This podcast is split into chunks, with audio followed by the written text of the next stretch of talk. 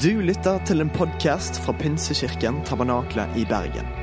Vi tror at kirken skal være en plass hvor mennesker trives gjennom alle livets faser. En kirke for hele livet. Ønsker du å bli bedre kjent med oss eller holde deg oppdatert?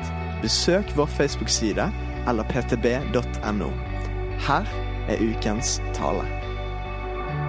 Jeg vet ikke med deg, men dette er en god søndag. Eh, håper du kjenner elektritet... Elek, jeg klarer ikke å si dette ordet. Elektriteten Nei, dette, dette, lover godt for at jeg skal tale, hvis jeg ikke klarer å si det ordet. Men dere skjønte hva jeg mente, så det er veldig veldig godt. Er godt å bryte litt isen her. Du, Det er nydelig å være her sammen. Jeg har gleda meg til denne dagen. Jeg elsker å være i kirka, spesielt på sånne dager som dette. For dette er høytid, samtidig som det er fest. Og det er det som er så deilig med vår kirke her, at vi kan få lov til å feire sammen denne store dagen som altså påske, eller oppstandelsessøndagen, er. Og Vi har de siste dagene fulgt denne historien fra begynnelse til på en måte slutt, eller det vi kanskje kaller begynnelsen igjen. Eh, vi har vært gjennom Palmesøndag, og Mari-Kristine prekte så nydelig på søndag.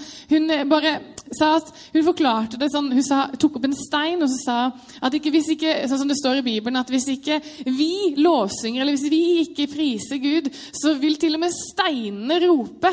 Og jeg synes Det var så nydelig bilde, og det viste noe om at skapelsen lengter etter Gud. Vi har fått det beste. Det som er så godt, er at vi vet også, når vi begynner å feire palmesøndagen, at vi vet hvordan denne historien her slutter. Og det syns jeg er litt sånn godt, for det er en god slutt, eller en god start, som vi kaller det. Og så er det skjærtorsdag, som vi har feiret sammen, og André prekte, og Jesus vasker føttene til disiplene. Og til og med Judas sine føtter vasker han.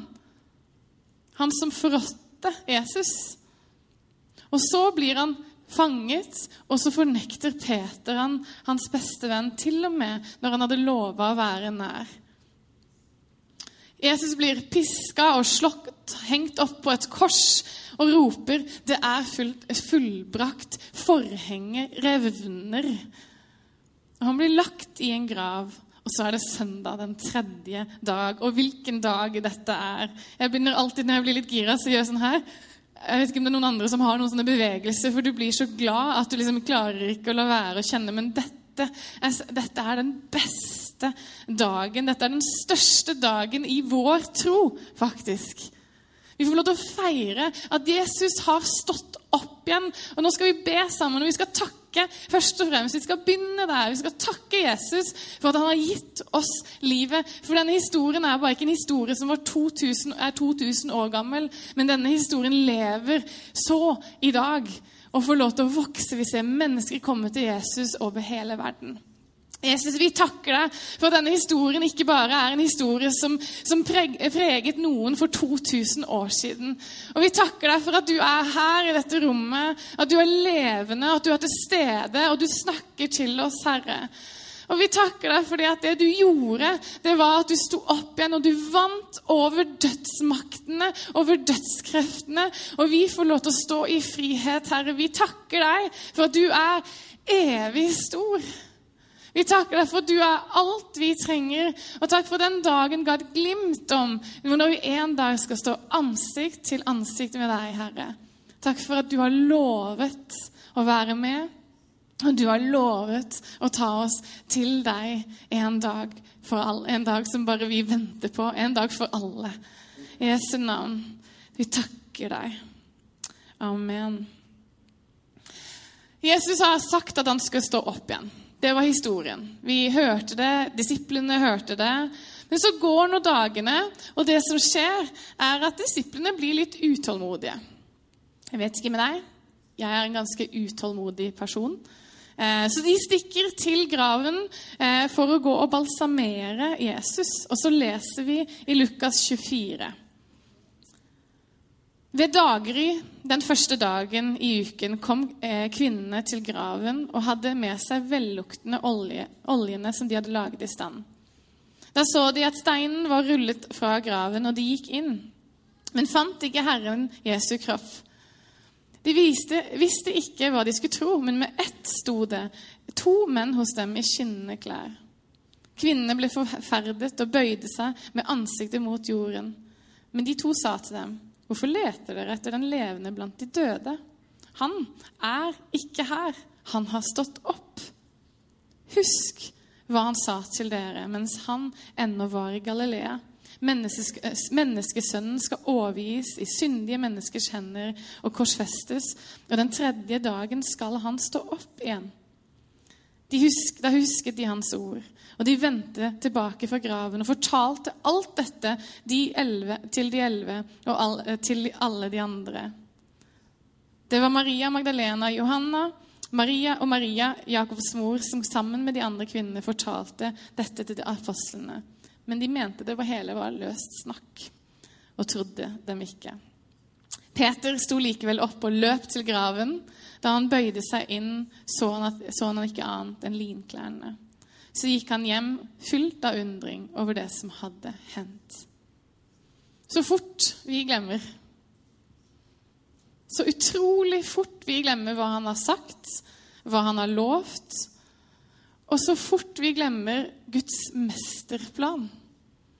Det er utrolig lett at vi hører noen store ord, til og med her på søndagene. Hvis vi hadde faktisk begynt å gjøre og leve ut det vi hører talt på en søndag, bare én søndag, så tror jeg det kunne fått utrolig stor kraft i våre liv. Jeg snakker til meg selv like mye. Hvis jeg hadde tatt de orda og levd de ut hvordan ville livet mitt sett ut? Men så fort vi glemmer det som er viktig Vi glemmer å følge med på det som er viktig, eller vi glemmer å lese det med den lille skriften eller det, den store skriften, eller Det går inn et øre og ut et annet øre. Så fort glemmer vi. Jeg har en liten historie om et svømmebasseng så nå sa jeg hva det handla om. Det skal man jo ikke når man forteller en god historie, men det er greit. Jeg elsker å svømme, og svømme er noe av det mest fantastiske på jorda. Noen som er glad i å svømme her. Bade, sommer, sol. Ja, det er så deilig. Og noe av det fineste var det at eh, pappa jobba som pastor. Eh, så det betyr søndager var jo ikke fri. Ofte så skrev han tale på lørdagene, så mandagene var vår dag. Og Da dro vi i badebassenget. Pappa trente litt, og så lekte han med oss. Og vi fikk lov til å bare kose oss i bassenget. Dette var vår mandagsgreie. Så dro vi hjem, og så spiste vi eh, god morgen-yoghurt eh, rundt stuebordet. Eh, for det var en stor ting at vi kunne få en god morgen-yoghurt. Vi var ikke så veldig rike på den tida. Eh, tenker jeg ofte på når jeg spiser det til hverdags nå. Det var jo et festmåltid, men det er en annen sak. Og så kan du da spole frem til ca. 18 18 år frem i tid. Og jeg jobber i menneskeverd og reiser rundt og underviser masse tenåringer. Og det gjør at jeg havna på mange steder som jeg eh, ikke har kjente så mange. Så jeg er da i Hell i, utenfor Trondheim, og der skal jeg være i fire dager. Og jeg bodde på et hotell med en fantastisk frokost. Men utfordringen er bare at det er ingenting å gjøre der. Jeg vet ikke om noen har vært i Hell. Det er eh, ingenting å gjøre der. Eh, og første dagen så tenker du dette er deilig rolig, slapper litt av, ser litt på noen filmer, leser en bok, sover litt. Grann, og så jobber jeg jo selvfølgelig, men, eh, men det var sånn rolig å slappe av. Og så kommer andre dagen. Da begynte jeg å bli litt rastløs, så jeg stikker til kjøpesenteret. Og jeg runda det på ca. ti minutter og hadde spart penger.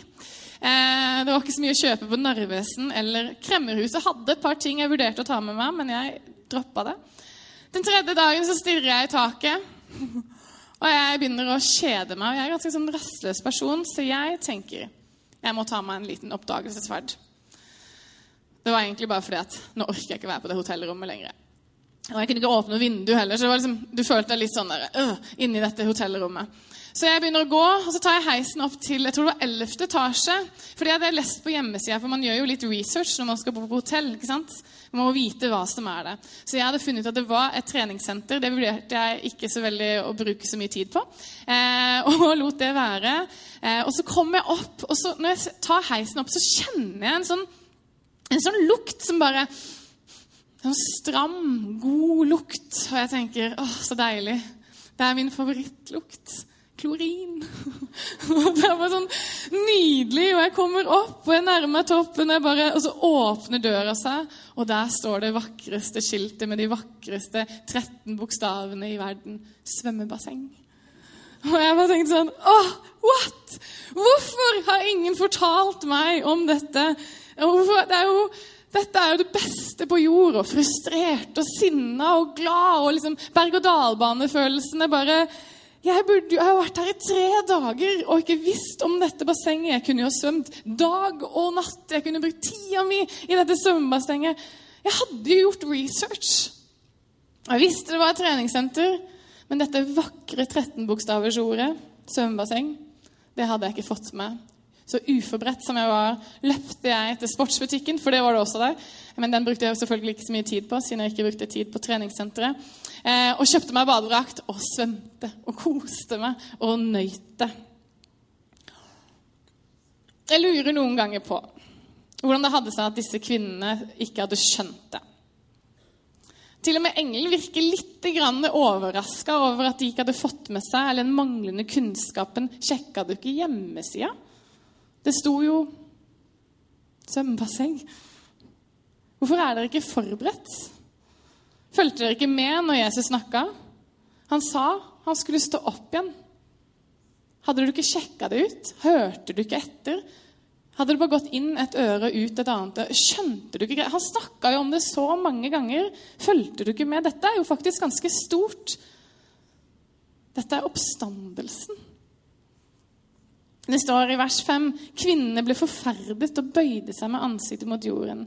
De to sa til dem, 'Hvorfor leter dere etter den levende blant de døde?'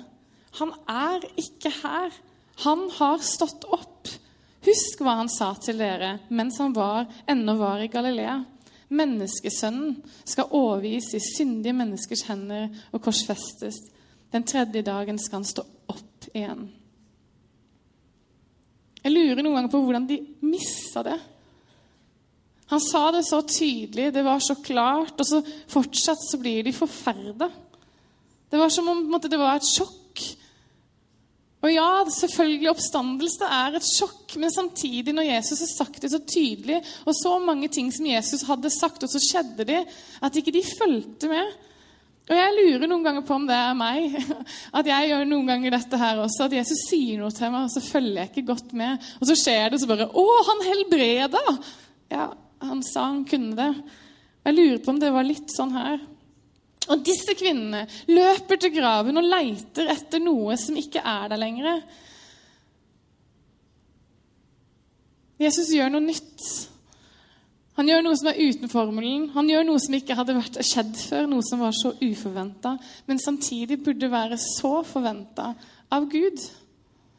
Jesus hadde sagt at han skulle stå opp igjen. Han er oppstanden. Men et spørsmål som jeg ofte stiller meg, er men måtte Jesus stå opp igjen?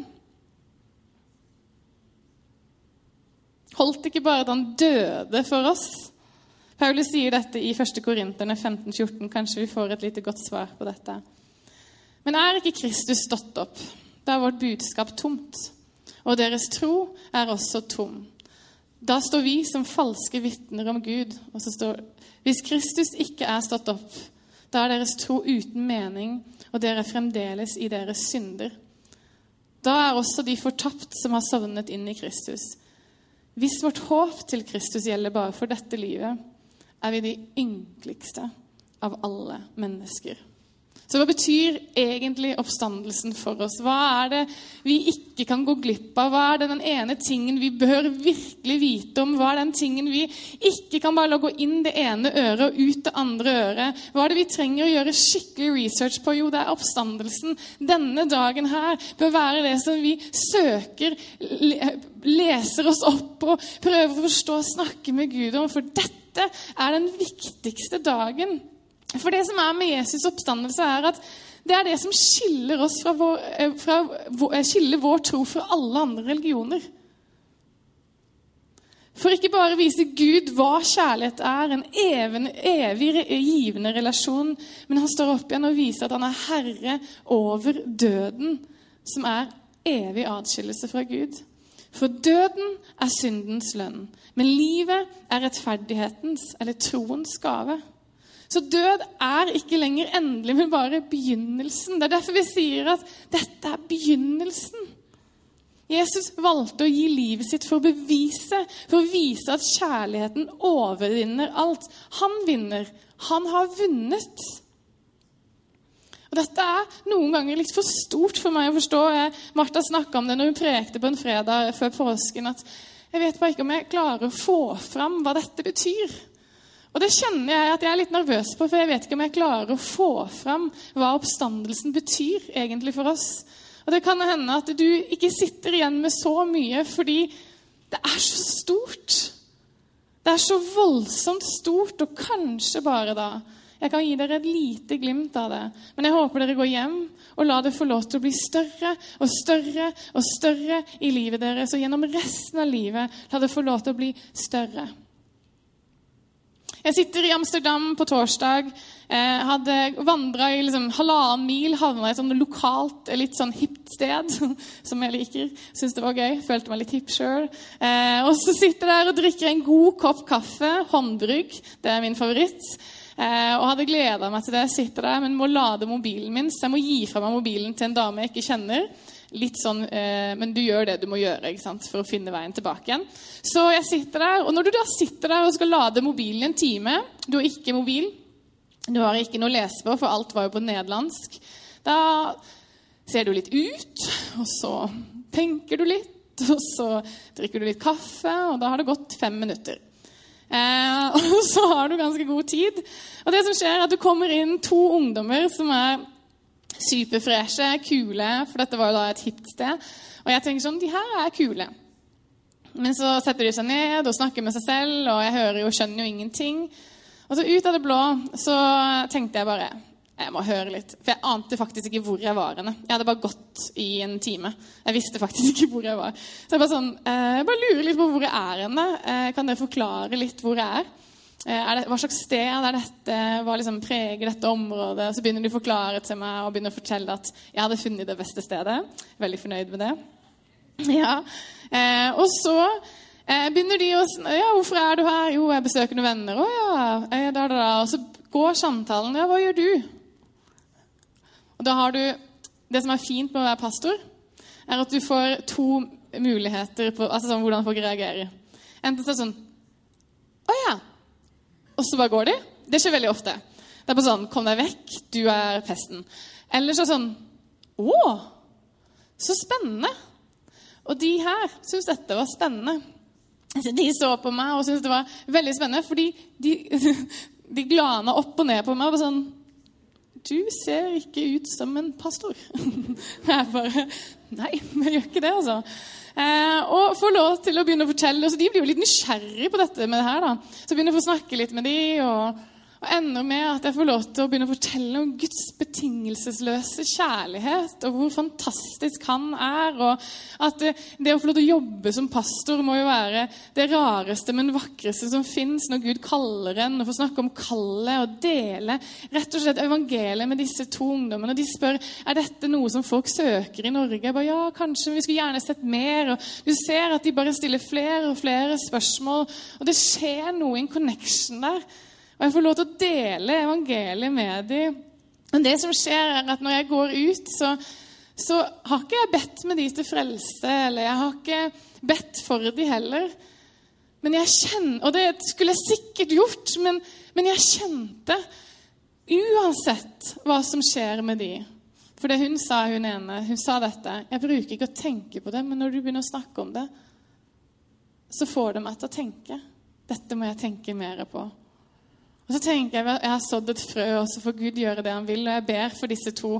Men det som er så nydelig, er at helt egoistisk sett så kjenner jeg at den takknemligheten for hva Jesus har gjort for meg, blir så stor. Og jeg kjente at liksom, Det mer jeg snakka om det, det mer ble sånn derre Uff, det her blir jo litt for mye kanskje for dere, for nå blir jeg så gira.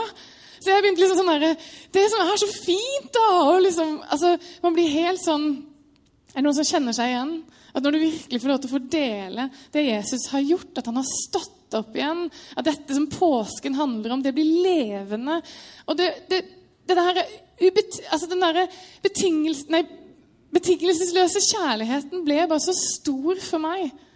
Og jeg fikk lov til å oppleve at det gjorde noe med meg. At jeg fikk lov til å fortelle dette evangeliet. At til tross for at mange velger Jesus bort, så har han gått til døden og stått opp igjen for å vise sin kjærlighet. Oppstandelsen er enormt viktig. For hadde, ikke, bare, hadde ikke han stått opp igjen, så hadde det bare vært en mann som hadde dødd. Og det er mange menn som dør. Det er sånn det er. 100% av alle mennesker dør. God statistikk. Og profet, eh, det, som er, det som er greia, er at hvis ikke Jesus hadde stått opp igjen, så hadde han vært en løgner. En gal mann. Han hadde ikke vært en god moralsk lærer. Han hadde ikke vært noe fantastisk å snakke om. Enten så er han den han sier han er, eller så er han ikke det. Men mer enn det, profetiene ble oppfylt fra Hosea, kan du lese det, og han snakker om at eh, tempelet skal rives ned, og han skal reise det opp igjen på tre dager. Du kan lese videre om det i Matteus og Johannes og flere andre steder. Men dette er så viktig for oss. For hvis ikke Jesus hadde stått, så ville døden vært endelig, og han ville ikke vært Gud. Og vi ville ikke vært tilgitt for våre synder. Jesus' sin oppstandelse er en smakebit av det som vil skje en dag når Guds rike, som består av godhet, fred, kjærlighet, trygghet, skal bli for alltid himmel. Dette festmåltidet som aldri tar slutt, hvor det er plass til alle, og det er det beste på jord. Og Det vil ikke være et sted som er prega av brutte relasjoner, misforståelser, hat, ting som vi bare ikke forstår. Oppstandelsen peker framover til en vakker dag. Og så er vi nå imellom, men vi får lov til å kjenne på oppstandelsens kraft i våre liv. Og Det står i 1. Korinterne 15 om Jesus ikke hadde stått opp, så er da budskapet vårt tomt. For at vi dør pga. Adam, men vi lever pga. Jesus. Han var, er og var vår stedfortreder. Han tar den endelige døden vi fortjente og så gir han oss muligheten til evig liv. Oppstandelsen hør på det her, er oppfyllelsen av håpet om gjenopprettelse. Oppstandelsen er oppfyllelsen av håpet om gjenopprettelse. Er ikke det nydelig? Dødens makt kan ikke holde den som tror på den oppstandende Jesus. Ved vår tro på oppstandelsen tar vi del i seieren. Vi er på den seirende side. Og som det står i Efeserne 1, 19-20, at den kraften som reiste Jesus Kristus opp fra de døde, er i oss som tror. Og vi får ta del i det som var ment for oss fra begynnelsen av. Det å være et fullstendig menneske. Jesus kom for å vise oss hva det ville si, hva det ville bety for oss. Er ikke det nydelig? Og når han kommer igjen, så skal vi få lov til å ta del i det for fullt en dag. Vi får se et glimt av himmel på jord. Og vet du hva vår jobb er? I det vi møter mennesker, er å vise mennesker et glimt av himmel på jord. Vise folk et glimt av hva vi har fått, at vi har fått alt av Jesus. På fredag så satt vi og leste gjennom Bibelen, så, eh, gjennom, ikke hele Bibelen på fredag. Det hadde vært veldig voldsomt. Kanskje det er det jeg skal prøve nå. Eh, men så leste vi i i, gjennom eh, historien som skjedde på fredag, eh, på langfredag. Og så sier en av eh, gutta der Han snakker engelsk, og så sier han at i Bibelen så står det i Kolossene står det at 'he made a spectacle'. Eh, og Han syntes det var så utrolig fascinerende, dette spectacle. og Jeg skal lese hva det står i Kolosserne 2 på norsk, og så skal jeg lese det på engelsk i en annen oversettelse som er helt nydelig. Det kommer på, tekst, eh, på skjermen her. Han kledde maktene og åndskreftene nakne og stilte dem frem spott, til spott og spe da han viste seg som seierherre over dem på korset. Og Det er det som skjer på fredag, men det er også det som skjer framover. ikke sant? Men engelsk, på en engelsk versjon så står det det her.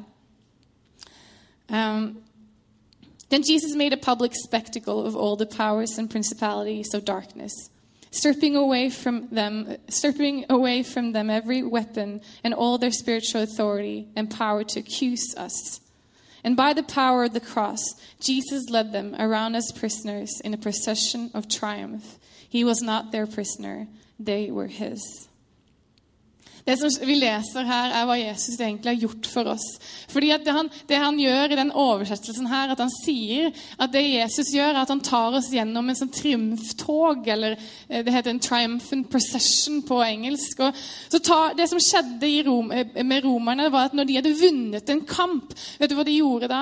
Da tok de med seg slavene bak. Det er litt voldsomt. Og så gikk de gjennom gatene. De hadde velduft, sånne røkelse, og så ropte de med seierherren helt fremst. Vi har vunnet! Vi har vunnet! Og så feira de, og folk lo og liksom, eh, jubla på gatene. Folk løp til dette toget for å se at de hadde vunnet. Og så var det litt sånn, og så gjør jeg litt narr av alle disse eh, slavene som kom bak, de som de hadde tatt i fangenskap. Og det egentlig Jesus sier her, er at han leder oss igjennom, men vi er på vinnersida. Og bak oss så finnes alle de tingene som prøver å holde oss nede. Dødskreftene, de maktene, det som holder oss nede. Det som prøver å anklage oss. De tingene som prøver å si at du ikke er god nok for Jesus. At du ikke har gjort nok for Jesus. Alle de tingene som du føler deg skyldig for. Skammen, synden. Alle disse tingene er det Jesus tar med som slave bak seg og viser at dette, dette binder ikke deg lenger. Dette binder ikke deg lenger. Du går sammen med Jesus, som er seierherre, og oppstandelsen viser det. Og vi kan rope 'Han har vunnet'! Er ikke det fantastisk? Og Det er det dette bibelverset jeg synes det ble så stort når du leste det på engelsk. For det bare det åpna seg opp et vakkert bilde om at Jesus leder et triumftog. Og vi går ikke sånn som vi brukte, å være slaver av synden. Men nå er synden slaven, og vi kan gå sammen med seierherren fremover i livet. Oppstandelsen er det som er begynnelsen av vårt liv sammen med Jesus. Og vi kan få lov til å gå med sånn sikkerhet og tro på at det Jesus gjorde på korset, ikke bare er at han døde, men han sto opp igjen. Er ikke det fantastisk? Og Derfor så er denne dagen så utrolig viktig. For det er ikke bare det at vi trenger, huske, vi trenger faktisk å huske på hva denne dagen gjør. Vi trenger å ikke glemme hva denne dagen er. Og vi trenger å feire den hver eneste bidige dag. Fordi vi vet at Jesus har vunnet en gang for alle, og han kommer til å lede oss gjennom, hjem til himmelen gjennom et triumftog. Og vi kan få lov til å vite at vi er på den seirende siden. Vi har vunnet sammen med Jesus. Så hver gang disse slavene av ting som prøver å anklage oss, kommer, så kan vi gå tilbake og si nei, de er der. De er bak der. Og så kan vi få lov til å få kjenne lukten av seier som går igjennom gjennom byen og gjennom de stedene som vi setter vår fot på. Er ikke det fantastisk? Dette er evangeliet om Jesus Kristus. Det er nydelig. Det er livsforvandlende. Og dette kan ikke vi holde for oss selv. Dette kan ikke vi glemme. Vi er nødt til å gjøre researchen vår. Vi er nødt til å finne ut hva dette egentlig handler om. Og vi er nødt til å la det bli levende i vårt liv, for da blir det levende for andre mennesker også. Du kan få lov til å reise deg opp. Jeg tror noen ganger vi ikke skjønner hva vi har for noe. C.S. Lewis skriver det så utrolig vakkert. Han sier det at vi er halvhjerta skapninger som roter oss bort i alkohol, sex og ambisjoner om suksess, når uendelig glede er tilbudt oss, slik som et arrogant barn vil lage gjørmekaker i slummen fordi han ikke kan forestille seg en drømmeferie ved sjøen. Vi er altfor lett tilfredsstilt og fornøyd. Vi har så mye mer å leve for. Og jeg tror det er egentlig er det det handler om, at vi har fått noe, og denne oppstandelsesdagen viser noe som er så stort, så glemmer vi det. Så glemmer vi jo researchen vår, og så glemmer vi å, å, sjekke det ut. Og så glemmer vi å la det få lov til å være levende i våre liv. Og jeg har lyst til å utfordre deg til å la oppstandelsen være levende i livet ditt. La det få lov til å være det som du begynner dagen din med. Takk, Jesus, for at du har stått opp. Takk for at du har noe som er så mye større for meg. Takk for at du er så god. Takk for at du har nåde, fred, glede, godhet, styrke. Alt jeg trenger. Og dette har vi fått, men ikke bare for å ha det for oss selv. men for å dele med de menneskene rundt oss. Jeg tror Hadde vi skjønt hva denne her dagen betyr for oss, så tror jeg kanskje jeg også, vi, hadde levd så annerledes. Og uten å fordømme deg, så har jeg lyst til å utfordre deg og oppfordre deg til å komme tilbake til hva dette handler om, og la det prege deg fremover. Jeg tar og ber en bønn. Jesus, takk for den uendelige kjærligheten du viste på korset når du sa at det var fullbrakt. Men takk for at du sto opp igjen. Takk for at du kom tilbake. Takk for at du viste oss at døden holder ikke deg nede, men du har vunnet over døden. Alt som skiller oss fra deg, Jesus. Jesus, du ser alle de tingene som rører seg i dette rommet akkurat nå. Og du vet akkurat hva vi har satt imellom oss og deg, Jesus. Og jeg bare ber om at vi skal få lov til å, å peke hvor det hører hjemme. At anklagingen, all skyld og skam får lov til å, kan vi få lov til å legge bak oss, og så kan vi få lov til å gå foran. I denne omvendelsen så kan vi få gå foran sammen med deg som er vår seier, Herre. Og så kan vi sammen med deg rope 'Vi har vunnet'. Vi har vunnet i det vi går framover. Takk, Jesus. Takk, Jesus. Jeg tror jeg aldri kan sette ord på hvor stor du er. Jeg tror jeg aldri kan sette ord på hvor fantastisk det du gjorde. Du lagde et spektakel. Takk, Jesus.